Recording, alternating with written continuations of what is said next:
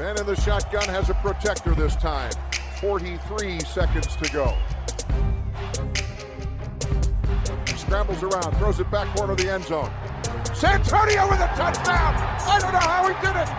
What a throw! What a catch! What a game! No, Mike 43, call 57. That suffocate him! Make him miserable all game long! Get us the ball back! Could love him or hate him, but he was Brad.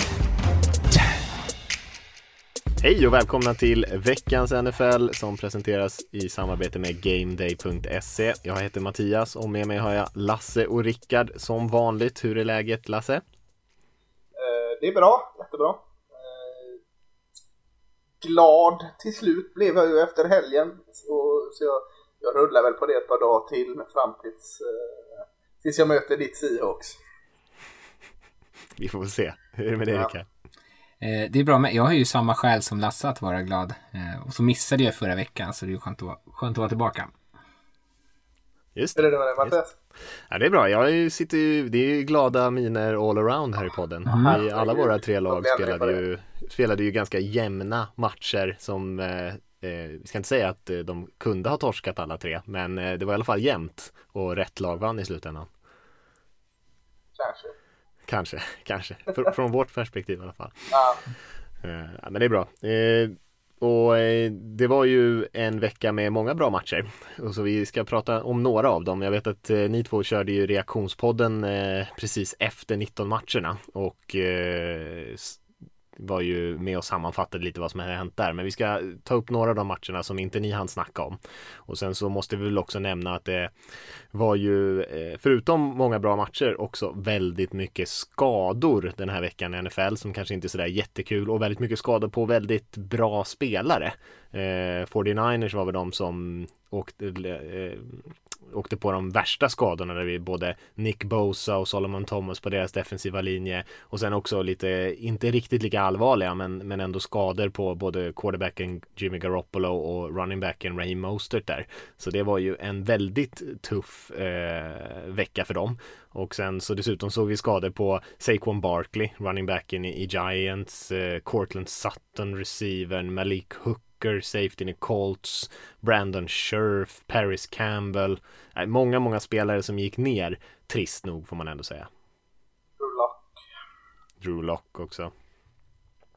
Tyrod Taylor, just det, just det. Mång- Många skador. Vad, vad är, kan ni säga någonting liksom sammanfattningsvis om 19 matcherna? Jag vet att ni var lite inne på att eh, det ändå var ganska många väntade resultat även fast det var spännande matcher.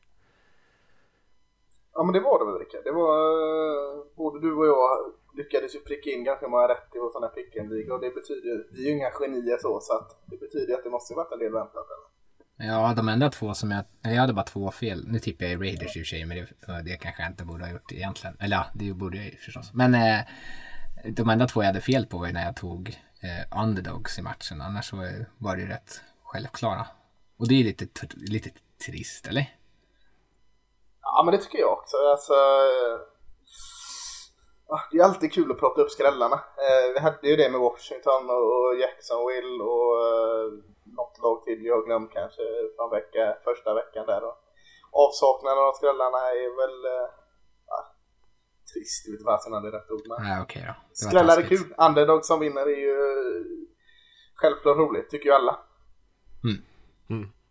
Vi ska ju prata lite, göra lite små spaningar så här efter två veckor och kanske framförallt med fokus på den här senaste veckan här. Men eh, en sak som jag tänkte på eh, var ju att vi pratade om det förra veckan, hur mycket hemmalagen egentligen eh, gynnas av det här när det är inte publik och sådär. Och, och första veckan så var det ju, jag tror att det var eh, jämnt skägg där, bortalagen vann lika mycket som hemmalagen. Men den här senaste veckan så var, tror jag att hemmalagen vann 11 av de 16 matcherna som spelades. Vilket eh, också kanske bidrar till att det känns som att det var ganska väntade resultat. De, liksom, favoriterna vann och många av hemmalagen vann också. Ja, då är det inte bara publiken som spelar in om man ska dra någon trend i det. Då är det hemmamiljön, omklädningsrummen, gångarna som kanske har lite mer betydelse ändå för att vara hemmalag. Det är inte helt eh, bortkastat att spela hemma i alla fall, trots att publiken inte är där alltid. Det, Nej, det verkar jag, inte så. I många matcher som jag kollade så, om man kan säga där, om man ska ta, ta bort det här med hemmafördelen så kändes det var många gästande lag som kunde köra sådana hard counts och sånt för att, för att lura defensiva linjespelare att hoppa. Chiefs gjorde det hela tiden mot Chargers som, som liksom brändes på det. Saints gjorde en del mot Raiders, det var liksom i flera matcher där. Det, eftersom att man själv hör ett påklistrat publikljud så känns det ibland konstigt. Men när man väl, det var någon match, och det var Jaguars-matchen så stängde de av allting så man verkligen bara, ah, så här låter det nu egentligen utan det. Och då hör man ju och förstår hur lätt det är för liksom anfallet, även om de är gäster, att kunna liksom lura defensiva linjespelare att hoppa lite tidigt. Det var roligt på tal om i ditt eh, Las Vegas får man säga nu då. Mm. Eh, kul att höra Carr, när, när, det är väl centern tror jag som, som kallade ut alltså var Mike och, och 56 is the Mike Ja, ja, ja, ja, ja, ja, ja, ja, liksom lugnt. Alltså, blev han trött på att han kallar ut honom. Det är inte bara till dig han säger det Karl, det är till sina linjer. Ja, ja, ja, ja, ja. Han kör den här we're good, we're good, we're good, we're good, we're good, we're good, we're good. Hör man såhär tio gånger så bara ja men vad fan, ja snappa bara bollen. Tyst nu, jag ska kasta touchdown. Och sånt hör man ju annat. Så man får ju lite roliga nya saker trots att det är klart saknas publik. Ja. Eh, och, och, eh, man kan också säga att det, jag vet inte om vi pratade om det första, eh, inför första veckan där, men, men jag hörde någon, vi, vi pratade inte jättemycket betting i den här podden, men jag lyssnade på någon, någon podcast som de snackade om det inför säsongen, att förra gången det var en sån här när det inte var en försäsong, så såg man att det var väldigt mycket poäng. Anfallen hade, hade en fördel över försvaren. Och än så länge så har det ju också öst in poäng. Mm. Och som Rickard sa där, det kanske hänger ihop lite grann med det. Man kan eh, lura försvaren, man behöver inte kämpa mot publikljudet i lika stor utsträckning och, eh, och än så länge så har det ju anfallen haft en ganska klar fördel mot försvaren efter två veckor här.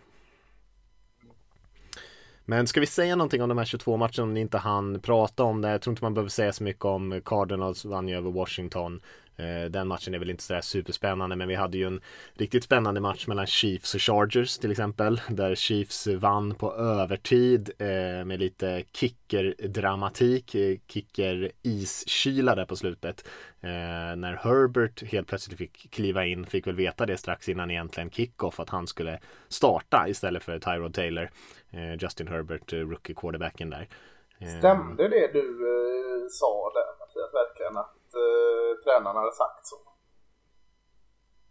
Med att han skulle starta? Att, ja, han är, det finns ju en anledning att han är backup och så Tyler Taylor ska givetvis vara lätt oerhört nonchalant. Nu tar jag det ut i sammanhang. Vad var det han sa? Eh, Anthony Lind där. Ja. ja. men han, eh, ja, men det var väl lite taget ur sitt sammanhang för han sa väl också en del positiva saker. Men han var ganska tuff mot sin rookie quarterback där att, eh, att de hade missat en del grejer med honom på planen och att det, det fanns en anledning att han var backup och inte liksom startade före Taylor egentligen. Eh, och han var ganska missnöjd Lynn efter de hade torskat den här matchen mot Chiefs. Ja, men, men innan pratar om matchen kan stanna upp i det lite bara och tänka hur ni funderar där är det verkligen rätt att gå tillbaka till Tyler Taylor nu? Liksom det här, eh, ska man inte spinna på sin framtidsman när han ändå har lite vind i seglen? Jo. Alltså det är jättedumt. Och, alltså, jag tycker ju inte att de har en större chans att vinna ens nu med Tyrod Taylor. Det där anfallet Nej. fick ju liv av att Herbert klev in och vågade trycka till bollar i situationer som kanske Anthony Lind sitter och skakar över att han liksom trycker den i ett, ett litet millimeter stort fönster. Men de får ju någon de får ju någon sorts typ av explosivitet i anfallet som de saknar med Taylor. Han, han är ju inte farlig nog att liksom respektera för ett försvar. Nej, för, för, visst, det finns ju såklart misstag att hämta ur Justin Herberts match, eller ett jättekonstigt annat. Men han hade ju en bra match, alltså betydligt mer gott än vad i alla fall jag mm. trodde. Håller inte du med där Mattias? Jo, jag tyckte det, alltså när jag hade sett matchen så tyckte jag så här bra match av Justin Herbert. Det var ja. alltså, nästan oväntat bra med tanke på de förutsättningarna. Sen så är det klart att jag menar, det är svårt för oss att se, alltså om man inte går in och verkligen studerar matchfilmen, att veta vad, ah, missade han möjligheter och såna här grejer. Det, det, är lite svårt att veta, men jag tyckte ändå att de flyttade bollen hyfsat bättre än vad de hade gjort mot Taylor i en svår match dessutom. Eh, och jag tyckte han gjorde ett bra jobb. Eh, sen så jag vet inte om Lynn kanske var lite ja, eh, de, han kände väl att de hade känning och, och kunde vinna den där matchen men eh, Chiefs är ju liksom ganska klart eh, favorittippade mot Chargers och att de ändå var så nära att slå dem med sin rookie quarterback i hans första match eh, är ju ett positivt tecken men det ville han kanske inte höra just då. Nej, det är så, och så var det ju, om vi ska gå tillbaka till matchen så var det ju eh, ett beslut där precis innan, eller det var väl Chargers sista drive i ordinarie, eller var det på övertid? På övertid. De val, på övertiden när de valde att inte gå för det fjärde och kort var det väl. Mm. Och det var väl eh, relativt bra field position. Det har inte varit hela världen om de hade inte lyckats med det. Ja, det var ganska tufft läge. De var på egen plan halva. Ja, de var hade, det. Ja, de hade fjärde och ett. Så att, eh, nej, men jag och Rickard tyckte lite olika där. Jag tycker väl att eh, de borde ha spelat där och att det var eh, lite självmord och, och punta den bollen till Patrick Mahomes och Chiefs anfall och hoppas på att de inte ens lyckas med ett field goal. Men sen gjorde de ju det hyfsat och de hade ju spelat en bra match. Men jag kände ändå direkt när de puntade den att nu torskar de. Ja, men äh, alltså, ja, det vi var oense om var väl att så här, det så, när, när man tänker sig, att vi ger bollen till Chiefs, deras anfall är, anfall är livsfarligt, så kanske man inte liksom tar hela matchen i beaktande. För då har de ändå stoppat dem på nio serier. Eller på, på fem av nio serier har de stoppat dem liksom under sex spel. Så hade det liksom sett ut som det gjort under större delen av matchen så hade de ju oddsen på sin sida om man säger så. Att de skulle kunna stoppa dem. Sen visst man kan tänka ja det är bara en yard. Det borde de kunna fixa. Deras försvarsspelare var uppenbarligen väldigt trötta. Joey Bosa stod ju på sidlinjen en del när det är så här avgörande spel. Eh, jag kan, jag kan köpa båda argumenten men så jag skrev det till dig att samma personer som sa ah nej, puntar de nu matchen över. Så har liksom sagt det tio gånger under matchens gång redan för att man inte tycker att Chargers är tillräckligt aggressiva eh, eller tillräckligt eh, eller att de inte har chansen. De, man ansåg att de var chanslösa inför, man ansåg att de var chanslösa när Justin Herbert skulle spela, man ansåg att de var chanslösa för att de kastade ett field goal vid något tillfälle när de är långt ner igen i Red Zone. Och, och de är fortfarande med i matchen. Men så fort man får rätt på det för att man den fjärde gången säger ja men de, det, nu kommer de ju förlora matchen för att de puntar i den här situationen. Ja, ah, kolla, jag hade rätt. Eh, så tycker jag att man är hård mot Linn. Ja, jag kan köpa det. Och de vinner ju också på ett 58 yards field goal ska man säga ja. eh, från Butker där som är eh, Det är ju långt ifrån solklart att han ska sätta den och ja. annars har de ju faktiskt en god chans att driva och vinna matchen själva. Men eh, ja. Ja, jag tänker att i den där situationen att man ska kanske tänka att man inte har så mycket att förlora på att gå på det, men eh, det var inte ett solklart beslut. Det var det inte. Det var det inte. Eh, men jag gillar alltid när man spelar för vinst istället för att inte förlora liksom. Mm. Eh, men vi ska inte säga för mycket om den matchen. Vi ska snacka lite mer om Chiefs lite senare. Eh, Ravens, Texans var ju inte någon jämn historia. Kanske inte så oväntat heller att Ravens körde över Texans ganska enkelt. Sen hade vi ju nattmatchen där som blev en riktig rysare mellan Patriots och Seahawks som egentligen eh, inte avgjordes förrän på sista spelet i stort sett. Eh, som slutade 30-35 till Seahawks i en match där det inte var särskilt mycket försvarsspel och, eh, en, eh, och anfallen gjorde lite vad de ville. Russell Wilson gjorde ännu en oerhört bra match eh, och eh, även Cam Newton och Julian Edelman gjorde en fantastisk match för, för Patriots också. Eh, men en riktigt spännande match. jag tror att det här Patriots Seahawks har inte det bästa försvaret men det här Patriots anfallet ändå hitta något. Jag tror att de kommer bli ganska tuffa i år och eh, hålla utanför slutspelet. Ja, som jag sa efter vecka ett med Ken Newton så är jag imponerad av just den anledningen att eh, han gör inte de här onödiga riskerna. Kanske han kanske inte behöver göra dem utan han känns mer under kontroll. Han är inte ute och flänger och, och, och, dabbar och, och gör tabbar på samma sätt utan han, han, spelar mer kalkylerat, mer moget på något sätt här nu. Eh, bara för två matcher på Patriots. Och eh, det är nog det jag är mest imponerad av. Hans talang och, och de bitarna har ju alltid funnits där. Det är kanske hans beslut och hans eh, egna initiativ som har blandat till det. De, de ser jag inte alls där, de bristerna. Nej, jag var ju helt säker på att Patriots skulle torska den matchen när de hade, eller Seahawks skulle torska matchen när, när Patriots hade en eller två yards på slutet där och Cam Newton, man förstod ju innan att han skulle springa bollen själv och det hade han gjort tidigare och det har inte varit några problem överhuvudtaget för honom att springa in den. Men eh, en av Seahawks defensive backs där, Delano Hill, gör ju ett Eh, jättespel egentligen och rädda matchen där eh, på, sist, på sista spelet. Men det kunde verkligen ha gått hur som helst. Jag tycker det är intressant att du säger det att försvararen var kanske, hade kanske inte sina bästa dagar. Men det var väldigt tydliga eh, alltså försvarsinsatser som också var väldigt bra. Det var en av dem. Det var någon, eh, kommer inte ihåg vilken Seahawks DB som gjorde ett jättesnyggt pick och, eh, tidigt i matchen. Väldigt fina defensiva moment, men som helhet var det inte bra. Så det var lite konstigt. Jag, jag satt ändå och var nöjd med massa saker i båda lagens försvar. Och sen kollade jag, men vänta här nu, de har ju släppt in sig in i helsike. Så det tyckte jag också var lite konstigt att ta ställning till. Mm det är ju lite skrämmande med Patriots är att man har förväntat sig att de ska kunna vinna genom att vara täppa till med försvaret och kunna vara lite bollkontrollerande i anfallet och inte behöva spela den här typen av högpoängsmatcher. Men att de ändå kan vara med ända i slutet och bara är liksom något, något fotsteg åt rätt håll eh, för att faktiskt kunna vinna en sån här match. Ja, ja verkligen. Ja, visst. Måndagsmatchen eh, ska vi väl också säga några ord om eh, Saints Raiders där Raiders gick och knep den med 34-24 i slutändan. En riktig uppvisning från anfallet i eh, Las Vegas. Ja, det var en väldigt rolig match att titta på tyckte jag. Eh, det började lite segt för Raiders, eh, men sen efter att de har två serier i rad där de puntar så har de en poäng på alla sina eh, varje drive förutom när de famlar bollen. Och på så sätt kunde de något, liksom kontrollera tiden.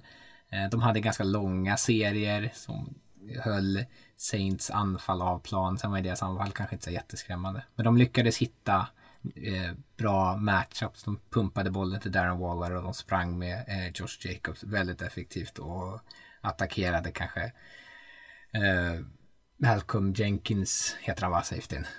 Ja, han hade lite tuffare. Mm, tufft då ja. Ja, hela tiden. Och ja, ja väldigt glad. Och äh, som Saints-fan kanske man kan vara viss, viss oro inför sin QB-situation.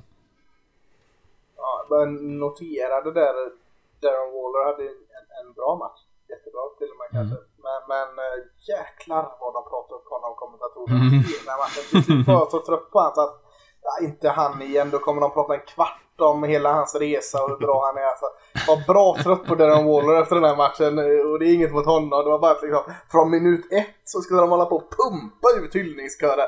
Det var liksom 103 yards, en TD. Det är jättebra för Tiden, men det, det, här var ju som att uh, han hoppade upp och gick på månen och sen gick ner och gjorde en touchdown. Liksom. Ja, jag tyckte ju om att lyssna på det förstås. Ja, det förstår jag också. uh, och jag är ju bara sur för att Jason Witten inte fick poäng för sitt fantastiska blockeringsspel när han var inne. han fångade väl en passning också? Han, fångade, ja, han, han, han tog två yards förra veckan, tre yards denna vecka. Ja, jag, jag har inte släppt Jason Witten än. ja, det är pil, pil, rakt upp. Du vet vecka 16, då kan man räkna med Jason Witten. då har han 16 yards. ja, precis. Ja, eh, du var inne på lite elefanten i rummet där får man väl ändå säga. Eh, jag vet, vi, vi har haft lite diskussioner på Twitter och i redaktionen och sådär kring det. Men eh, Drew Brees, hur han har sett ut de här första två veckorna är ju inte särskilt upplyftande för Saints.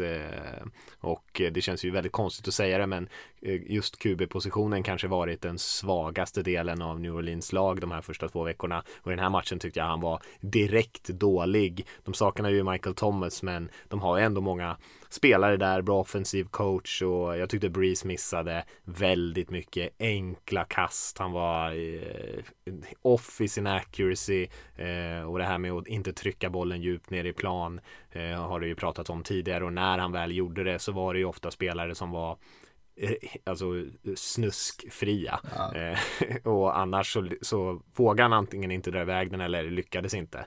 Eh, så att det finns ju rejäla orostecken tycker jag så här tidigt. Nu är det ju bara två matcher in i säsongen så det är väl mycket väl så att han, de kan vända det eller hitta något spelsätt som funkar. Men än så länge så har ju Breeze sett absolut inte ut som Breeze. Nej, och det är, alltså det är klart, någon gång är man för gammal för att spela eh, den här sporten på allra högsta nivå. Men, men man har på något sätt aldrig tänkt att, att Breeze ska vara ett problem i sig. Så det, det känns så oerhört liksom, fel nästan att bara ta det ordet i munnen och säga att Drew Brees är anledningen till att Saints inte kommer igång. Det är jättebisarrt, men det är ju anledningen. Ja, I den här matchen mm. så tycker jag väl också att de hade kunnat gjort någonting för att hjälpa honom mer i sånt fall. Då. För de sprang för nästan 6 yards per carry. Och då borde de ju liksom kanske kunnat ändra sin gameplan så att de tog det lite mer av hans axlar i sånt fall. När de vet att de gör det relativt effektivt. Men det kändes som att de var lite stressade i att få igång honom också. Mm. Ja visst. Och mycket misstag också, mycket flaggor, mycket sånt där som ja, gjorde att man hamnade i dåliga situationer. Såklart. Så då satte man sig i situationer som kanske var svårare att coacha sig ur liksom. Men ja, eh, ja nej, det är um, ingen så här jättevass start för Saints än så länge. De, eh, som sagt, eh, Breeze såg inte bra ut mot Tampa Bay heller, även fast de vann den matchen. Eh, ska vi lämna eh, matcherna från eh, vecka två där och gå in på lite lite så här generella spaningar kan man väl säga innan vi går in på vecka tre där det finns ett helt gäng väldigt roliga matcher i alla fall på pappret här. Kicka igång. Ska jag, ska jag kick... Ja, men jag har några grejer ändå. Jag tänkte på den här eh, wide receiver-cirkusen som var här under off-season när vi såg några stora wide receivers blivit bortbytta till olika lag och de, fram, de liksom främsta som man tänker på är ju DeAndre Hopkins som gick från Texans till Cardinals och sen Stefan Diggs som gick från Vikings till Bills. Och där tycker jag ändå man ser eh, man ser en ganska tydlig vinnare än så länge i dem och det är ju de lagen som har fått de här stjärnreceivers så det har ju snackats lite om varför man gjorde det i Houston så har man ju varit relativt tydlig med att eh, Alltså att man inte tror på filosofin att betala en stjärnreceiver så mycket pengar utan att man liksom tror att eh, fler, fler lite mindre bra spelare ska kunna liksom bära eh, den bördan. Och än så länge har det ju varit katastrof får man ändå säga. Texans anfall har ju varit uruselt utan Hopkins. De har ju verkligen, verkligen saknat honom. Samtidigt som han har ja, än så länge över 200 yards för Cardinals och även Diggs där, Vikings anfall och Kirk Cousins,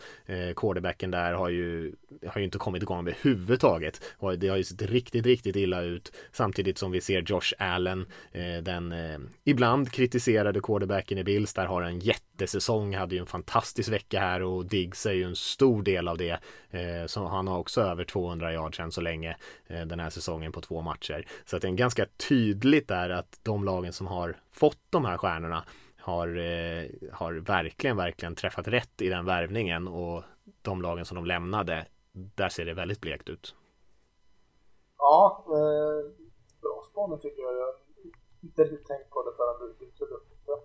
Jag har lite sådär innan känt att eh, eh det var klart att kvalitet slår kvantitet känns det som. Jag har alltid tänkt att har du fullgoda ersättare, kanske bra men inte elit, så, så har jag alltid trott lite på den filosofin. Men eh, ja, jag, jag backar nog lite här nu. Bara två veckor in visserligen. Men eh, det har verkligen varit lyckoträff för både Bills och eh, eh, Cardinals.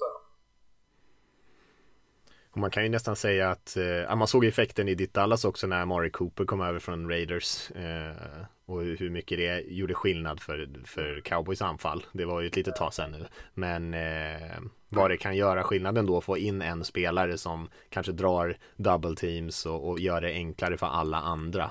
Eh, så att det, mm, se om, vi, om det är en, en tillfällig trend eller om det är någonting som, som eh, många kommer liksom tänka på framöver. Mm. Ja, absolut. Har vi något annat? Jag, jag tänkte på det, i NFC West får vi lyfta då eh, rikta bort blickarna från sorg, mitt sorgebarn NFC East där och prata om NFC West istället. Vi byter, byter värdet direkt. Så det är ju eh, tre lag där, Rams, Seahawks och Cardinals 2-0 och 49ers 1-1. 49ers förlust kom dessutom mot Arizona Cardinals. Så att, eh, de har öppnat enormt starkt NFC West. Eh, som lite vi och väldigt många andra hade på känn och sa att det här kommer att bli en tuff division. Eh, så ska det bli intressant att se de här de närmaste veckorna. För kollar man, eh, jag, jag tror, nu fick 49ers eh, alldeles för många skador på framförallt på nyckelspelare men, men jag tror ändå om man blickar fram här om man säger att Cardinals är 2-0 nästa tre matcher upp är Lions, Panthers och Jets 5-0 eh, Seahawks, Cowboys, Dolphins och Vikings. 5-0 eller i värsta fall 4-1 Rams har Bills, Giants och fotbollteam. 4-1 eller 5-0 eh, 49ers visserligen skadade men de har Giants, Eagles och Dolphins. 4-1 Alltså de det är ju inget som tyder på att det här ska liksom trappa ner de närmaste veckorna så att eh, när vi går in i vecka 6 så tror jag nog vi har två lag 5-0 och två lag 4-1 i den divisionen och, och det är ju galet. Mm, och då blir det många i divisionsderbyn där helt. Ja, och de blir ju väldigt, väldigt viktiga. Alltså, ja. ja. nu kan ju visserligen fyra lag gå vidare från, från en division här i år, men, men eh, det ska ju fasiken inte bara gå liksom. Man tänker att 49ers ska dala av med sina tapp här, men eh, en überstark division som, som nu tar sig an på pappret enklare motståndare de tre nästa veckorna. Det, det kan vara fortsatt det här utropstecknet för NFC West ganska länge. Ja, mm. som du och, säger. Ja, förlåt. Sorry. Nej, kör du, kör du. Ja, som du säger med spelschemat och, och vilka de möter. Eh, men samtidigt, men liksom, det är inte bara att de har haft tacksamt motstånd utan de har ju också verkligen sett väldigt, väldigt bra ut på plan. Ja, precis. Det, så då tänker jag liksom att sett bra ut mot tidigare då eh, bra motstånd och så kommer man nu mot ett lättare spelschema. Jag, jag kollar bara tre matcher fram. Det kan hända att vi står för två 8-0 lag Nu vet jag inte när de möter varandra i divisionen och annat men jag ser ju ingenting som ska bromsa dem. Nej. Nej, eh, och Rickard du hintade ju om en spaning som var lite hänger ihop med den här som Lasse hade nu va? Ja, det är kanske lite mer eh, deprimerande. Eh, eller att jag, jag reagerar lite på hur man på, på förhand eh, alla de här NFC-favorittippade lagen. Jag satt och kollade igenom lite eh, gamla Vegas-linjer från i augusti om vilka som man trodde skulle eh, gå vidare till Super Bowl. Ehm, och då är det kanske de som hade lägst odds blir det då. Eh, Eh, 49ers, Saints, Dallas, eh, Bucks och, och Seahawks och är liksom de från NFC som eh, såg ut att vara favoriter och då Visst, 49ers är fortfarande ett bra lag, men de har en massa skador. Dallas har ju sett ut som Dallas har sett ut. Eh, ursäkta Lasse, även om ni vann Nej, det, senast. Jag håller med. Eh, och Bucks ju, det finns ju frågetecken. Det enda som egentligen känns som en så självklar, liksom, fortfarande favorit, det är ju Seahawks av de där lagen. Och Seahawks har ju också egentligen en del bekymmer, även fast de också har en väldigt hög, eh, ett väldigt högt tak så länge Russell Wilson spelar som han gör. Eh, men det känns inte som att i AFC liksom hade man ju de här tydliga favoriterna och det känns som att de har bekräftat det och NFC så känns det som att de här favoriterna brottas med vissa bekymmer och så vet jag inte riktigt om jag vågar inte riktigt ta Packers på allvar här ännu. Uh, vi får väl se framöver. vi får väl se framöver här. Nu har ju de också ett lätt spelschema men de är väl ett lag som kanske kommer kunna ha en hög sida där och det känns inte som ett lag som jag tycker borde ha det. Nej, det är... Det, jag känner igen det med NFC. Alltså att... Eh, eh, I varje fall jag, och det kanske är fel. Jag tänker alltid att det finns så mycket fler så, så många mer bättre lag i NFC än vad det är i AFC. I AFC känns det alltid som det dröjs mellan 3-4 lag mm. medan det är typ 10 i, i NFC som, som faktiskt har eh, ambitioner på att liksom i år ska vi ta oss till Super Bowl. Eh, kanske är naturligt då att de, de sätter krokben för varandra med. Mm, ja, det finns ju alltså höjden, eller alltså de riktigt bra lagen är ju riktigt bra i EFC, men det finns ju ingen som ni är inne på här nu i, i NFC egentligen som, som ser riktigt bra ut över hela brädet och det var ju egentligen Saints kanske som såg ut som, som det kompletta laget, men med tanke på hur Drew, Drew Brees nu skadat, eller spelat och Michael Thomas skadad så så är inte de heller något så här solklart lag. Så det finns ju brister i alla de här lagen. Eh, och det gör ju att det kan bli ett riktigt getingbo tror jag. Mm. Tampa Bay tror jag fortfarande, jag tycker ändå de ser relativt kompletta ut men samtidigt de Brady är ju eh, inte Brady i sitt prime, även fast han eh, eh tycker jag har spelat helt okej okay här för att vara i ett nytt lag. Men, eh, eh men det, ja, det, är, det är lite stökigt i NFC. Jag sitter ju redan, alltså som den här Monday Night Football mellan eh, Vegas och, och Saints, sitter jag redan och hejar på AFC-lagen här. För att jag är orolig för en wildcard-plats och det är vecka två vi ja, nu, nu snodde AFC en vinst från ett NFC-lag här. Svinbra. uh, jag sitter redan och kalkylerar här uh, in the hunt som det brukar kallas. Att Cowboys är det. Mm. Eh, jag kan eh, fylla på med ett NFC-lag här med en liten, det är inte så mycket till spaning, jag vill inte först kanske att göra det, men man undrar ju lite kring Falcons och eh, Dan Quinn, tränaren där och eh, hur länge Arthur Blank, eh, ägaren där, kommer stå ut med den här typen av eh, hjärtskärande förluster som man hade igen här nu mot, mot Cowboys. Torskar ju med 40-39 ehm, och jag, jag läste någon statistik där sen, sen 2015 så eh, har lag som har ledigt med mer än 14 eh, Nej vänta, vänta, ska nu. Ja, ledigt med mer än 14 poäng i de, när det bara är 6 minuter kvar eh, så har det spelats eh, 509 matcher och det laget som har ledigt då med 14 poäng med bara 6 minuter kvar, det laget har vunnit 506 av de 509 matcherna och två av de tre förlusterna på de här 509 matcherna är Falcon som har haft. Den ena är Super Bowl då mot Patriots och den andra nu här senast och det är ju rätt det får man ändå säga är rätt speciellt. Det krävs ju ganska mycket mycket dåliga insatser för att lyckas tappa en sån ledning. Och en hel del av det är ju såklart coachning. Eh, jag tänker på onside-kicken där till exempel mot cowboys där det såg ut som att eh, Falcon-spelarna var väldigt förvirrade om vad man får och inte får göra på en onside-kick. Och de lyckades tappa det överläget igen. Och jag tänker någon gång måste man ändå peka finger på den som är ytterst ansvarig eh, för hur mycket man kan hålla på så här eh, som, som Falcons faktiskt gör ja, eh, bedrövligt är inte ett för hårt ord att säga hur de liksom hanterar den här ledningen. För eh, visst, Dallas gjorde en jättefin eh, upphämtning såklart, men, men eh, nog fasiken hade inte det funkat mot ett eh, lag som visste mer vad de gjorde i, i andra halvlek av en match än vad Falcons gjorde. Det, det var verkligen bedrövligt eh, coachat för att säga tror också att lag som har gjort 39 poäng tidigare är 440-0. Men nu fick de sin första förlust av lag som lyckats göra 39 poäng. utan turnovers. Ja, utan turnovers, just det, så var det. Mm. Mm. Exakt, så att de är, de är ute där och slår nya rekord, Falcons. Mm. Det är kul för dem. Mm. Har vi en annan rolig spaning? Har du något Rickard? Uh, ja, jag tänkte på, man efter första veckan så var det ju väldigt många kickers som eh, hade varit en besvikelse eh, och många som fick sparken dessutom.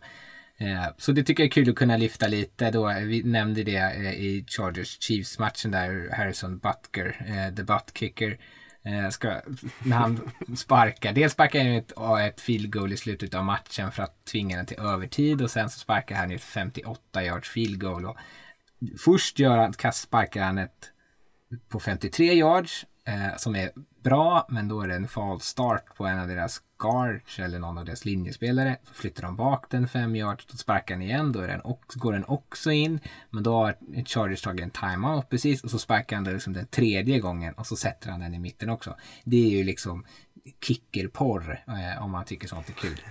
eh, ja, och sen, Vem som gillar det, det vet jag inte. Men... Någon med stora högerben. Typ. Nej, men, eh, mm. Och sen eh, Daniel Carlson i, i Raiders som fick kliva in och avgöra. Han har ju haft stora bekymmer förra säsongen och så fick han spark, hans personliga rekord i 56 yards. Nu fick han avgöra matchen på, 50, på ett kick på 54 yards. Och eh, Greg Sörline i Dallas också kunde avgöra matchen till deras fördel. Det var mycket kickers som hade väldigt avgörande roller den här veckan på ett positivt sätt. Så det tycker jag är kul. Ja, Goskowski också avgjorde ja, ju för andra, veck andra veckan i rad med mm. game winning field goal. Även fast han inte var så bra första veckan. Så fick han ändå avgöra matchen och det gjorde mm. han ju nu igen. Mm. Ja, det var en bra grej. Jag hade en eh, tanke på, på eh, lite tveksam playcalling i slutet på matcherna. Lite så här konservativa coacher i allmänhet där. Och då tänkte jag bland annat på den här Anthony Lynn-grejen där som vi diskuterade. Som, ja, det går väl att argumentera för både och där ändå. Eh, men att punta med en yard en yard kvar att ta på övertid. Eh, jag kan tycka man kan eh, vara lite kritisk mot Pete Carroll och Seahawks också i slutet på, på den matchen mot, mot Panthers när de Eh, istället för att ge bollen då till, till Wilson och låta honom vinna matchen så springer man två gånger. Eh, och första springspelet också så istället för att riskera att, att, stoppa klockan och försöka när man försöker ta upp fler yards så, så slidar Chris Carson på första down med två yards kvar till, eh, till en first down eh, med liksom över två minuter kvar av matchen för att man liksom ska försöka mjölka klocka och det är ju såklart en coach som har sagt åt honom att han absolut inte får springa ut och sen lyckas man ju inte plocka upp den för att man försöker kasta någon så här 35 yards passning på tredje och ett också och sen punta tillbaka den till, till, till Patriots och håller på att torska matchen. Och det är ju, var ju liksom en, en katastrofal egentligen sista serie för, för att vinna matchen men man lyckades ju klara sig ändå. Eh, och så såg jag också Matt Rule där, nya coachen i, i Panthers som istället för att liksom våga spela på, på motståndarnas plan halva på fjärde down eh, så kör de någon typ av fake punt istället. Eh, vilket känns också som, jag tycker så här, det är ju eh, det är ju ganska fånigt play call egentligen att man liksom inte vågar kalla ett riktigt offensivt spel så, så känns det liksom lite mer safe att, att eh, kalla någon fake punt på, på motståndarnas planhalva. Så det är också väldigt tveksam play calling tycker jag. Eh, men det var ju egentligen mer begränsat till de tre coacherna som jag tyckte gjorde kanske lite tveksamma grejer ändå. Eh, sånt där som man tycker att de ja, men borde liksom vara lite bättre på ibland. Att eh, de där avgörande situationerna i slutet på matchen, att man, att man har liksom en idé på hur man vill göra det. Kan man, kan man säga till Rule att det är hans eh, välkommen till NFL eh, situation som man brukar säga till rookies har när de gör något sånt här klantigt misstag som så här, det här funkar på college, välkommen till proffsligan. Det kanske var, kanske var något sånt för honom.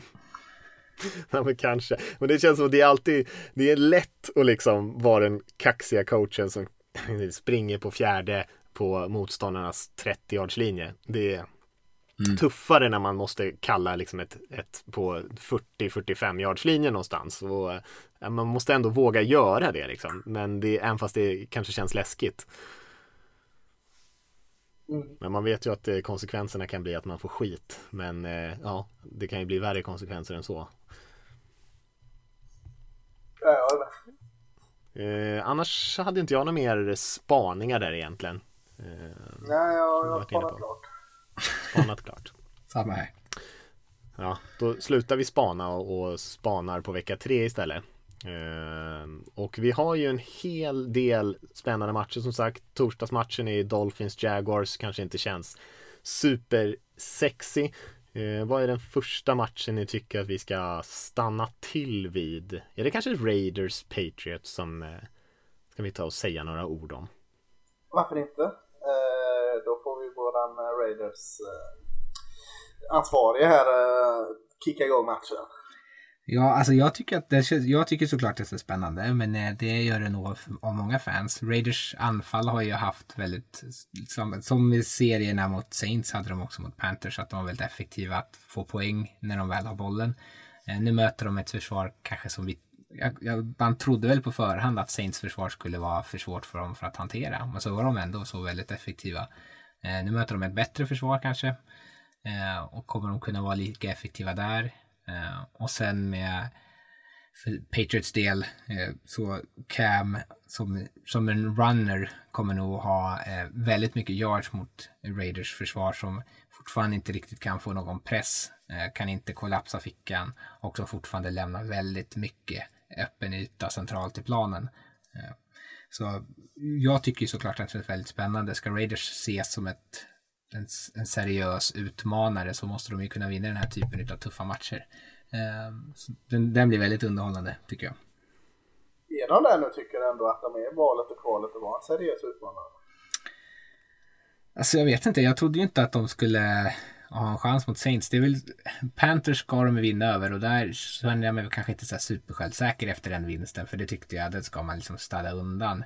Eh, Saints-matchen, det var ju mest för att de var så duktiga, alltså anfallet var så bra mot det där försvaret och mycket bättre än vad jag hade förväntat mig. Och, och jag tror att det anfallet bara kommer bli bättre och bättre eftersom att de har så mycket, eller de har rookie som spelar de eh, har varit tvungna att slänga in en guard som right tackle och de tappade Rich Incognito och de kunde fortfarande flytta bollen effektivt. Um, men eh, försvaret är såklart ett stort orosmoment. Eh, och möter man helt okej okay offensiva lag så kommer man behöva slänga upp en, över 30 poäng för att ha en chans. Håller det i längden? Jag vet inte. Men eh, jag hade ju aldrig sett att de skulle ha en chans mot Saints. Vad var oddsen på att uh, Alec Ingold skulle vara första uh, poängtagare för Las Vegas? Ja, alltså jag, jag, jag, kan tänka mig att John Gruden typ redan hade bestämt det innan de ens flyttade till Las Vegas. Att det första jag ska göra är att fullback som gör en touchdown. Och det är ja. någon sorts version utav Spider Y2 Banana eller vad det heter igen. Eh, som han gör att fullbacken går fram, låtsas som att han ska blockera och sen faller ut i en, i en route och så kastar, så är liksom hela spelet är designat för att det ska gå till honom. Ja. Eh, det är så typiskt Gruden.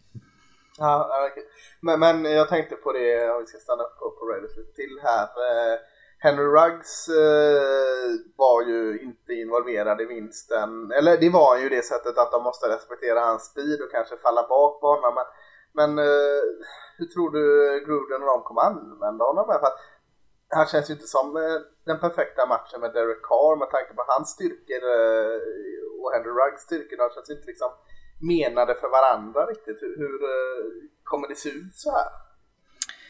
Alltså jag, jag, än så länge så har de inte riktigt kemin. Kari är väldigt beroende av att han har spelare som han litar på. När, när, vi, ja. hade Mike, när vi hade Cooper där och, och Michael Crabtree så föredrog han ju passen till Crabtree för att han kände som att han, han visste att han kommer vinna det här ändå. Och Cooper, där fanns det inte alls någon kemi. Det var därför Cooper var så missnöjd och inte heller var så produktiv hos oss.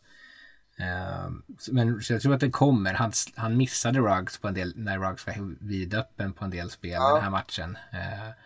Och, men Ruggs, han syns ju inte det hans stats, men han tvingade ju fram två stycken flaggor varav en ja, var i den här avgörande serien i slutet. Så eh, jag, jag, tror att det blir bättre. Men jag tror också att de kommer försöka forcera fram det mer om Kari är eh, alltför restriktiv med att ha lite mer sweeps, eh, lite mer enkla passningar där han får den liksom två yards från line of scrimmage och bara försöka få honom på öppen plan.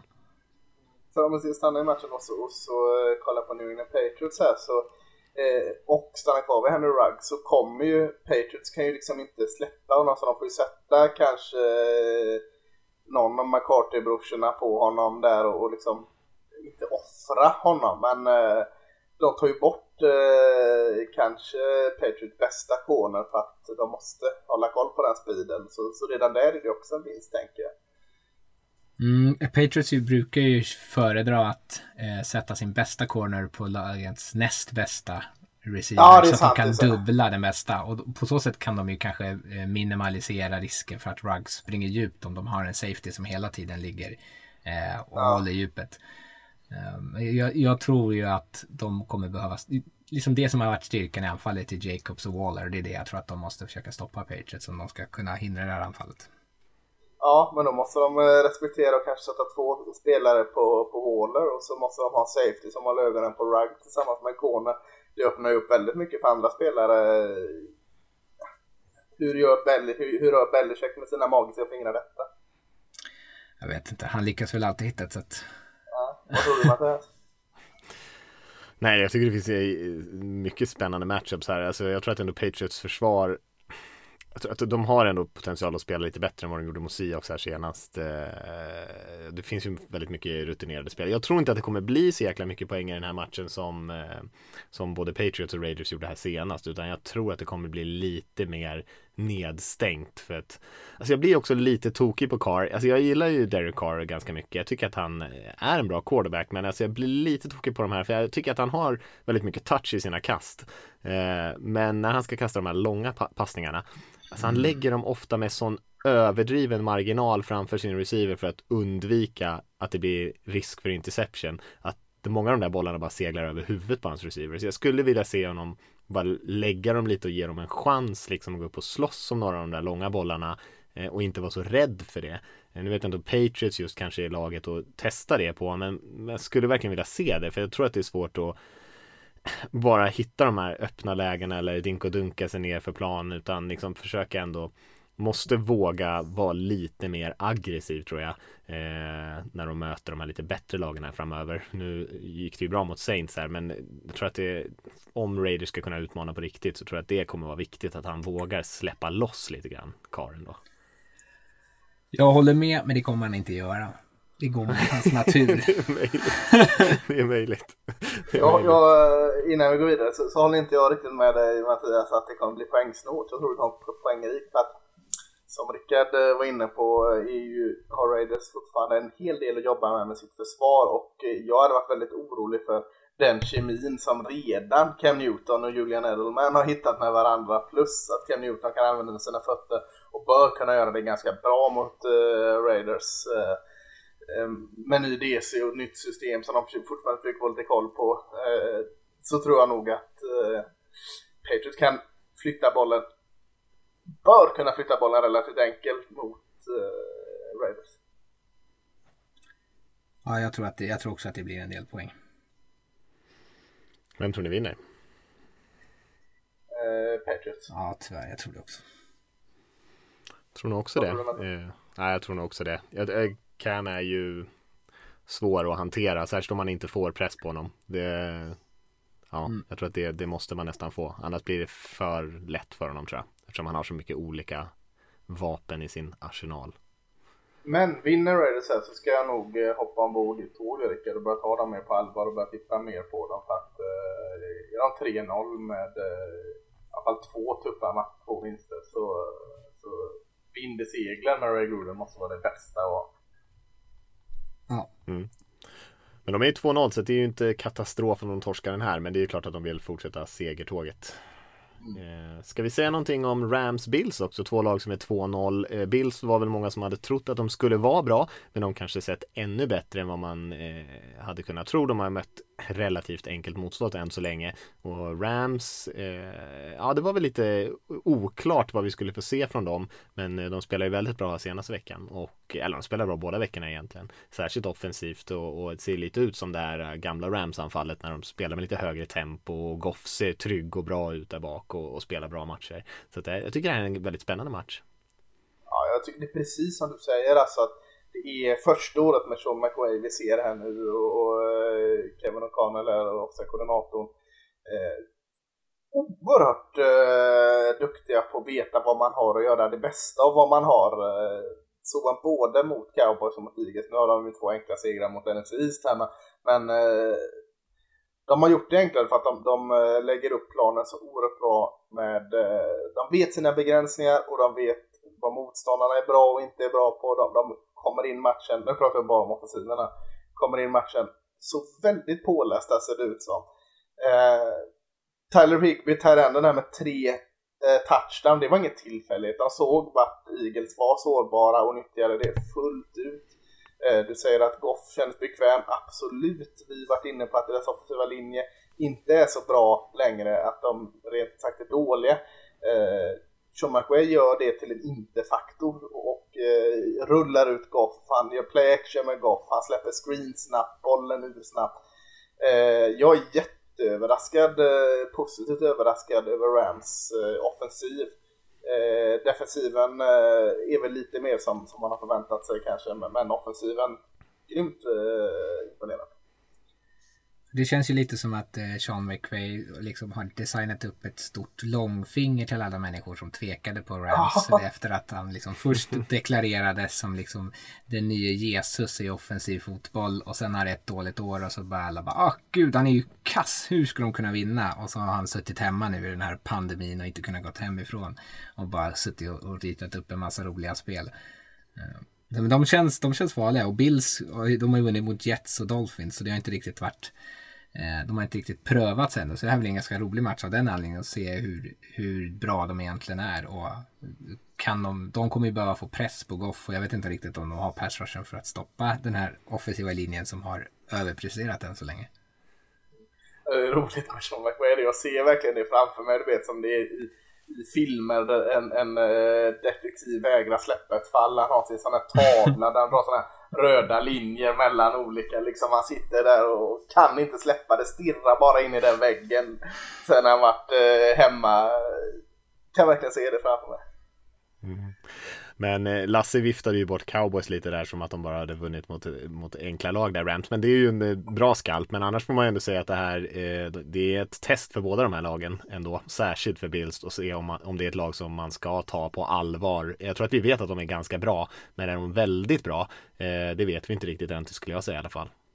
Nej, nu, nu har jag lärt mig lite och, och äh, acceptera vad Josh Allen är. Jag hade ju väldigt svårt för det. Äh, att han gör misstag bra, misstag bra, misstag bra. Men när man liksom har kommit underfund med det, väldigt sent har jag kommit underfund med det, eh, så eh, ser jag honom som ett vapen såklart, för det är han eh, Och tillsammans med Stefan Diggs och eh, då, då lyfts helt plötsligt John Brown fram, eh, får andra möjligheter. Eh, offensiva linjen, eh, fortfarande inte riktigt helt såld på den, men god ändå liksom. Och, Passrushen pratar eh, Rickard om i försvaret. Jag vet inte, Ed Oliver hade en jättefin match sist tycker jag. Eh, så, så de kan, kan nog skada från insidan där möjligtvis. Och, eh, ett bra secondary hjälper ju passrushen mm. också.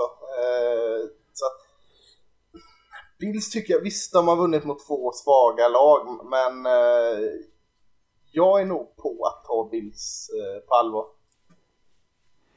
Vinner de här?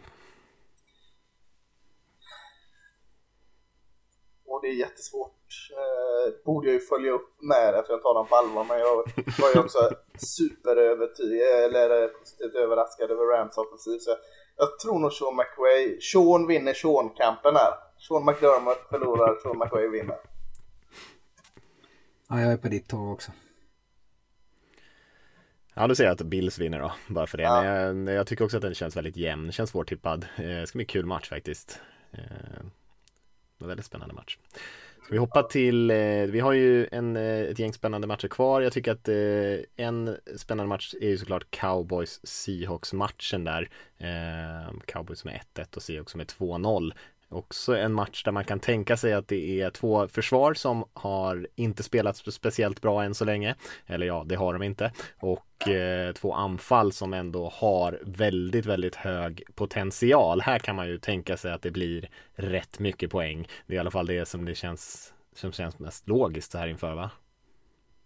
Ja, jag, jag vet inte. Jag är så kluven över mitt Dallas Cowboys här. Eh jag vet inte vad jag skrev och inte skrev under matchens gång. I, eh, jag kommer inte ihåg vad jag, vad jag tänkte och vad jag sa så att jag kanske upprepar mig själv. Men, men eh, jag är inte ett fan av Kelle Moore, offensiva koordinator. Det var jag inte förra året heller. Det var väldigt svårt att backa upp det eftersom vi hade det eh, på pappret bästa offensivet i ligan. Men jag tycker fortfarande eh, han, han vet inte hur man nyttjar det han har. Eh, han är motsatsen till Sean McWay om man nu skulle säga att Sean McWay är en också koordinator. Eh, kör väldigt konservativt med Dak Prescott, eh, låter inte Dak vara Dak. Eh, Dak borde kunna vara som Russell Wilson, springa lite med bollen och, och eh, skapa lite eh, själv. För att när Cowboys matade på poäng och Dak Prescott var helt fenomenalt bra och receiversarna fångade allt det var när de slängde eh, playbooken åt helsike och körde no-huddle och i desperation försökte ta poäng. Och så tycker jag det var, så var det väldigt ofta förra året med. Utan det är när det är no-huddle och eh, de bästa spelen är när det är ett frispel, alltså att det är en fall start eller och Deck får köra själv bara vad han vill. Det är då spelen kommer. Så, så jag, jag... Så länge det är jämnt så eh, konstigt nog eh, har inte Cowboys med. För försvaret har inte gjort någonting. Ingenting har försvaret gjort som är bra. Eh, jag kan inte ens komma på liksom, ja men det kan vi lyfta fram. Eh, de har varit totalt skräp. Jag har sett Seahawks, de har gjort några turnovers i varje fall. Cowboys ingenting.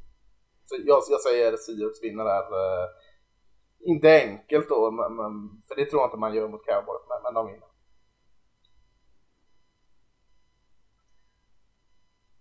Ja, Rickard?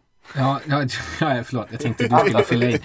Jag tänkte det här är era två lag. Tänkte jag skulle ja. låta er experter hålla på och prata. Men, eh, men jag håller med. Jag, jag, tror, Känns också som att eh, det är alldeles för konservativt i början i, Dallas. Eh, och att det här försvaret underpresterar tror jag kommer vara svårt mot en Russell Wilson som spelar på en, eh, en fenomenal nivå. Och att, det är klart, det kommer bli jämnt. Alla Seahawks-matcher är väl jämna. Det, det är en del av deras identitet tror jag. Eh, men jag, jag har svårt att se hur Dallas ska kunna vinna när, när det väl kommer till kritan. Ja, jag är inte alls så positiv kring Seahawks som ni är.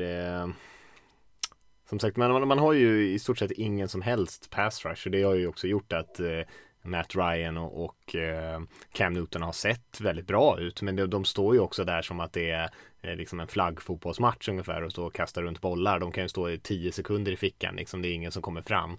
Eh, och jag tror inte att det kommer skilja så mycket i den här matchen. Jag tror att Dak Prescott, om eh, Kellen Moore nu låter honom kasta runt bollen lite mer, eh, så tror jag att eh, man kommer kunna flytta bollen ganska bekvämt. Eh, Seahawks är väl helt okej okay mot springspelet och sådär, men, men eh, rent när man ska stå och, och spela passförsvar och, och det inte är någon rush. Det är nästan, nästan omöjligt för, för secondary där det ändå finns duktiga spelare. Eh, även Jamal Adams hade ju en väldigt tuff match här senast eh, i, i passförsvaret och det är ju som sagt det blir väldigt svårt när, när, när man måste täcka under så lång tid. Så jag tror att det kommer bli, jag tror att det kan bli väldigt jämnt. Eh, det känns som en slantsingling för mig vilken som kommer vinna den här matchen. Um, och jag tror att Dak Prescott kommer ha en, en till eh, bra dag precis som han hade förra veckan här. Eh, hoppas väl och tror att, att Seahawks vinner i slutändan. Men jag, jag, det, det kan, eh, ja, det känns, det känns verkligen inte trygg i den här. Jag tycker den känns tuffare på förhand än eh, Patriots-matchen. Mm, ja, spännande. Jag är lite glad här. Jag tror, på, tror lite på Cowboys i alla fall. det är bra. Ja. Eh, vad har vi mer? Vi har ju eh, söndagnatten där har vi ju Packers som möter Saints där man kan väl prata om två quarterbacks som har helt olika upplevelser än så länge. Aaron Rodgers som såklart spelar fantastiskt och eh, Drew Brees som är på motsatt sida av skalan får man ändå säga. Green Bay som har riktigt eh, positivt momentum just nu och New Orleans kanske tvärtom. Men borde ju vara eh, en bra match det här kan man ju tycka. Ja, eh, Saints som vi har pratat om mycket. Packers har vi inte pratat om så mycket. Jag och Rickard gick ut och toksågade dem innan säsongen. Eh, semipudlade lite där, men, men jag står fortfarande fast lite vid att jag tycker Packers överpresterar. Eh, det får ni stå ut med att jag tycker. Eh, försvaret, ah, är det så jäkla bra? Var de så jäkla bra mot Detroit? Nej, det var de inte. Kenny Clark var borta, eh, gjorde väl sitt till, men han var inte så jäkla, eller mot spring var inte han så jäkla bra förra året heller. Stora hål i försvaret tycker jag eh, ringar in. Eh, offensiven är ju eh, verkligen eh, elit än så länge. Så, så, de får förlita sig mot offensiven här, eller på offensiven här nu. Men, men eh, Drew Brees eh, kommer ju också höra att han är slut den här veckan. Det är inte bara eh, den här podden och, och eh, som pratar om det här. Alla pratar om att Drew Brees såg skräp ut han kommer inte finna sig i det. Han kommer studsa tillbaka, han kommer göra en kanonmatch. Så att, eh, och mot Packers försvar är det inga större problem att göra en kanonmatch. Men Aaron Rodgers och hans namne med efternamn Jones är, det går ju inte att säga emot att de är fantastiskt fin form just nu. Så att, jag tror på galet mycket poäng och så tror jag Saints eh, revanscherar sig och vinner. Mm, ja. Green Bay kan man säga, vi pratade om lite tidigare om vilka lag man har mött och sådär. Green Bays anfall, om man nu säger så i alla fall, har ju mött eh, Vikings eh, väldigt eh, decimerade, oerfarna försvar och sen nu senast Lions försvar här. Eh, och ingen av dem är ju eh, några jättetuffa matchups och även fast Raiders gjorde mycket poäng på Saints senast så tänker man ju ändå att det försvaret är betydligt bättre än det som Packers tidigare mött. Så det kommer ju vara en större utmaning för, för dem troligtvis i alla fall. Ja, de, är, de har ju gjort mest poäng per match, eller mest poäng totalt såklart. Men de har gjort 42,5 poäng per match och de har flest yards i anfallet eh, per match. Så jag, man förstår ju ändå att det här anfallet kommer komma in med en, en rätt rejäl dos av självförtroende. Eh, och det behöver ju Saints på något sätt om de ska kunna stoppa det momentumet, kunna trycka till dem tidigt. Men sen gäller det ju också att anfallet kan prestera och hålla försvaret eh, på sidlinjen och vila lite. Men jag vet inte om Packers försvar, jag tror inte heller riktigt på att de är så superimponerande. Eh, Men eh, Saints, om de kan, de måste ju liksom på något sätt hitta något alternativ. Alltså antingen att de lyckas tända eld på Breeze så han kan börja spela bättre. Det vet jag inte riktigt. Eller om de börjar, kan, liksom, börjar tweaka sin spelbok mer för att kunna dölja hans svagheter bättre. Ja, Packers har ju också nästan råd att förlora den här matchen för de har ju så löjligt enkelt spelschema. Mm. Eh, allt annat än 13-3 är ju bedrövligt tycker jag. Så går de 12-4 så ligger ju Matt LeFleurs jobb eh, lite vakant. Så, så att, eh, jag sa att de skulle ja. vinna åtta matcher så då, då kommer jag ju på att äta upp min oro oavsett. Ja, nej men... Eh, det blir, det blir tufft tror jag. Ja. ja. Åtta matcher, ja. Eh, nej, jag håller med. De har ju också eh, eh det är bra att möta Saints nu, eh, särskilt om de har spelat. De kanske tänder till här, men sen så har de ju också, eh, de har ju Eagles och sånt där på spelschemat också, jag för mig va? Mm. Och lite mm. andra lag som Eagles och sånt där. Det är nya normer, nya standarder. Eagles, ja det får man väl ändå säga att det är ju inte det laget vi trodde det skulle vara den här säsongen. Eh, och kommer inte vara det heller tror jag eh, framöver. Men eh, jag, jag, tror att Packers vinner den här matchen eh, mot Saints just för att eh, ja, Breeze har sett ut som han har sett ut och Michael Thomas fortfarande borta och försvaret kan bara göra så mycket. Jag tror inte att Packers kommer ösa in poäng som de har gjort de senaste veckorna. Eh, men eh, det kommer ju, jag tror det kommer räcka att göra 28 poäng i den här matchen. Ska, ska jag gå ut med någon form av positivt Packers då här så, så eh, du pratar så mycket om cowboys upphämtning men, men Packers startar ju riktigt slarvigt mot Detroit också, låg under med typ 14-3 efter första kvarten och hämtade hem och vann det ganska enkelt till slut så, så inte någon sån tokupphämtning men eh, tog sig i kragen och korrigerade sina misstag väldigt snabbt så det är tummen upp till dem. Vilka vinner? Saints. Jag tycker den är tuff. Eh, men eh, ja, jag, ja jag, jag litar på Saints. Jag tror Saints vinner den här. Mm hoppar vi till Monday Night Football som är en höjdare får man ändå säga. Jag skulle säga att det är de två bästa lagen i NFL just nu som möts. Eh, jag tror att kanske de flesta skulle säga det också. Det är Kansas City Chiefs, Super Bowl-mästarna som ska möta Baltimore Ravens som eh, har sett ut som det kanske mest överlägsna laget hittills den här säsongen. Eh, det är ju en eh, höjdarmatch kanske lite, eh, hörde någon sa det också, kanske lite tidigt på säsongen för en sån här matchup kan jag tycka. Så där vill man kanske spara lite på karamellen. Men ja, vilken match ändå. Jag gillar att få nalla på, på godispåse redan torsdag så att jag, jag, gillar att den kommer.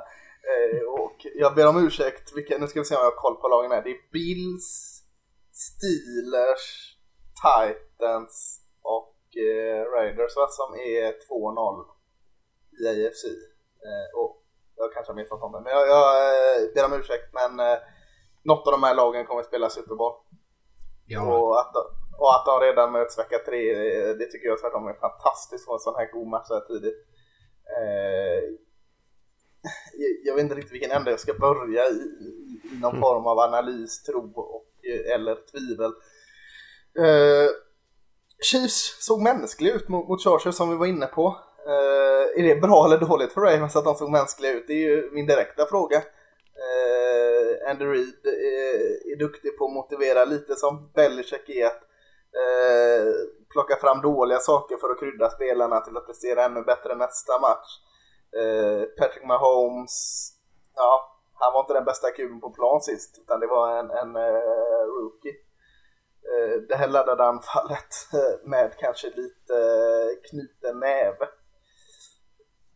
Det kan gå åt och det kan gå illa snabbt. Men, men så, så vänder jag på det och så, så kollar jag på, på Ravens anfall. Eh, som jag trodde lite så här att ja, men nu har den där grejen med Lamar Jackson, nu har, nu har lagen lärt sig det, hur det funkar. Ja, då tar han fram han, eller då tar de fram andra saker i offensiven. De tar fram ett passspel som man kanske inte riktigt hade trott att han gjorde. Sen tar han upp och springer den ändå. Det verkar inte gå att stoppa det oavsett. Så skiter i och kollar i försvaren och bara liksom gottar ner mig i allt det här power som finns i eh, offensiven. Så eh, ja, jag kan omöjligt bli besviken på den här matchen tror jag. Nej, det borde ju bli riktigt bra. Eh, Vegas eh, oddssättarna där sätter ju Raven som ganska stora favoriter. Jag är faktiskt lite förvånad över hur stora favoriter de eh, satte dem som. Men eh, eh Ja, de känns ju lite vassare i den här matchen men alltså Chiefs ändå, jag tycker så här, de klickade inte riktigt vecka ett på anfallet men det gick ju rätt bra ändå. Och sen vecka två här så klickar de ju verkligen inte får man, får man ändå säga offensivt. Så att de har inte riktigt kommit igång än. Ravens rivstartade ju och har ju sett klockrena ut från första sekund. Men man vet ju att det finns ju så mycket mer i det här Kansas City-laget. Särskilt offensivt. Mycket mer och Patrick Mahomes. Eh, han har mycket mer att ge än så. Många av spelarna som är deras största playmakers som knappt har varit involverade än så länge. Eh, jag väntar mig ändå att de ska dyka upp i den här matchen. Jag, jag, jag väntar mig att Chiefs gör sin bästa match hittills den här säsongen mot, mot Ravens. Jag, jag kan tänka mig att det var Chargers, Chargers har alltid spelat bra mot Chiefs, eh, eller de gjorde det även förra året. Båda matcherna lyckades begränsa Mahomes redan då. Men jag kan tänka mig att det ligger lite i någon sån här man tittade en vecka för långt fram i spelschemat när de såg Chargers och tänkte att den där matchen kommer vi vinna relativt bekvämt men vi, slå, vi står liksom mot säsongens viktigaste match mot Ravens veckan därpå kanske att man tog för givet att man skulle vinna alldeles för enkelt mot Chargers. Ehm, jag, jag, jag, tror fortfarande att Chiefs har ett högre tak än Ravens. Eh, och jag tror att, jag, tyck, jag, hade hållit, jag ser dem som favoriter för den här matchen och jag tror att de kommer vinna den. Eh, och jag tror att de kommer, att vi kommer se en mer, eh, vad ska man säga, att de kommer spela större passningsspel än vad de har gjort tidigare. Att de inte kommer att vara så korta dumppassningar eller så mycket, med, så mycket springspel. Utan jag tror att Andy Reid kommer att eh, gå tillbaka till det som han känner att han är bäst på. Det är att öppna upp passningsspelet och gärna med stora djupa spel. Ja, jag, jag tänkte också så, men så, det kan ju också vara att eh, Chargers kan Chiefs och har ett bra försvar. Men jag tyckte jag såg eh, deras linje var lite mer svajig än vad jag sett innan, alltså offensiva linjen mm. i Chiefs. Eh, Osemele var jättebra första veckan i, när han hjälpte Claire edwards eller framförallt springspelet. Han såg betydligt mer svajig ut nu senast. Jag tyckte även sådana som liksom ändå är säkra kort nu, Eric Fisher och, Mitchell Swartz på, på tackle-positionerna, inte heller stod upp lite som de har gjort innan. Så att om jag skulle ta fram något kanske som gjorde att offensiven inte klickat fullt ut än för Chiefs så är det nog offensiva linjen som återigen bara vecka två har, har gått ner sig lite från förra året så, så det kanske jag skulle ringa in som någon form av oro för mig. Men det skulle jag också kunna göra för Ravens. Alltså man ser ersätta Jonda där, han, han var inte bara en bra, eller Jonda, han var inte bara en bra eh, spelare på sin position utan han var ju någon form av pappa av den offensiva linjen eh, i, i, Ravens. Ronnie Stanley eh, är ju en bra left tackle såklart, Orlando Brown bättre än vad jag trodde men insidan där utan Jonda också kanske lite frågetecken men det känns som att det spelar inte så jäkla stor roll för hur Ravens spelar. För, för de som Mattias sa, de går bara in och kör över. Eh, och då kanske det lämpar sig bättre med den linjen. Så lite frågetecken vid Chiefs offensiva linje. Så, så därav så tippar jag nog Ravens den här matchen. Men, men det finns gott om tid för Chiefs offensiva linje att få ordning på sitt spel. Ja, alltså det som ställde till så mycket problem för Chiefs var att Chargers kunde få sån enorm press på Mahomes genom att bara skicka sin fyrfront eftersom att Joey Bosa och Melvin Ingram spelade fenomenalt båda två. Ja. Och jag, jag, tror inte att Ravens kommer kunna få samma press genom att bara skicka fyra utan då kommer de behöva öppna upp någon liten zon i försvaret och där tror jag att de kommer kunna utnyttja det. Då kan de inte dubbla på samma sätt och hålla, hålla liksom Kelsey i liksom tvångströja hela matchen. Nej, det kan vara. Hoppas den här matchen blir lite kaosad. Alltså båda de här quarterbacksen, jag tänker på Patrick Mahomes, när han improviserar, när han eh, liksom sätts lite under press, tvingas göra lite grejer så här off script, då är han ju riktigt bra. Och det är ju samma sak med Lamar Jackson egentligen. När han eh, kanske måste springa bollen lite mer själv än vad, vad de vill att han ska göra egentligen. Eh, han måste ta liksom matchen och sätta den i sina egna händer. Båda de här quarterbacksen är ju kapabla att göra det på ett fantastiskt sätt. Jag hoppas att det blir en sån match där de två verkligen får stretcha ut och verkligen bära sina lag och och och visa hur bra de är. Eh, för det är ju två fantastiska unga quarterbacks, roliga att titta på och allt möjligt. Så jag hoppas det blir den typen av match, att den blir jämn, att försvaren ändå steppar upp och ger dem lite utmaning så att det inte bara blir de här uppskissade grejerna, att Ravens springspel tickar på på sju yards per carry, att, att Andy Reid skissar upp öppna receivers, utan att det blir lite mer sådär kämpigt för dem, för då, då tycker jag matcherna blir som roligast, när de får lite motstånd och måste verkligen steppa upp. Eh, jag håller med Rickard faktiskt här. Ravens har varit det klart mest imponerande laget hittills, men jag tror att Kansas City eh, steppar upp och vinner den här matchen och jag håller helt med om att det ska det göras så måste det göras genom passningsspelet och de möter ett bra secondary här, eh, men jag tror ändå på med alla spelarna de har och Andy Reid och med Holmes att, att, eh, att de kan göra poäng på vilket secondary som helst. Så du tror Harrison Butker blir matchvinnare och inte Justin Tucker? Mm, oh, det är, det är NFLs ja. två bästa kickers också. Här. Ja, riktigt bra kickermatch. Jag tycker vi ska ge lite kärlek till kickers eftersom Rickard ändå var inne på det. Två bra kickers. Ja, det är det, det, viktigaste mötet. Men det finns några quarterbacks i den här matchen. Men det är inte ja. riktigt de som kommer stå i, i rampljuset. Nej, Tänk om det är åtta field goals mm. som avgör den här matchen. ja, Nej, men det är ja, helt kul. klart veckans, äh, veckans match och kanske eh, första delen av säsongens match överlag på förhand. Ja, ja, det är det ju. Det är det. Ja, kul. Eh, Chiefs på mig Rickard och Ravens på dig Lasse. Mm. mm. Gött! Då har vi rivit igenom det där. Jag tänker det är inte så mycket andra matcher som, eh, jag vet inte om det är någonting man kan nämna om någon match med, liksom, om det är något som lag som verkligen står inför någon måste-match här eller något sånt där som man kan säga något om. Men annars tror jag inte det va? Jag sitter och bara scrollar igenom Vikings eh, mot uh, Titans. Just det. Mm. Eh, om man ska ta lag som man ändå, eh, som Rickard pratade om, någon form av contenders. Ja, Vikings måste ju, även fast det inte ser så bra ut, så måste de ju börja stapla vinster om de ska hänga med. Um, det, man kan ju säga samma sak med Texans som möter Steelers som, skulle, som måste ju också vinna. Ja. Ja, just det. Och det tror jag inte att de gör. Nej, det är det. En, en ganska intressant match med Steelers är ju, ser ju klart mycket bättre ut och Texans, jag tyckte nej, jag tyckte vi såg tidigt eh, bristerna i det här laget. Och eh, det betyder inte att man inte kan vinna en enskild match men eh, jag tror att det kommer bli tufft för dem.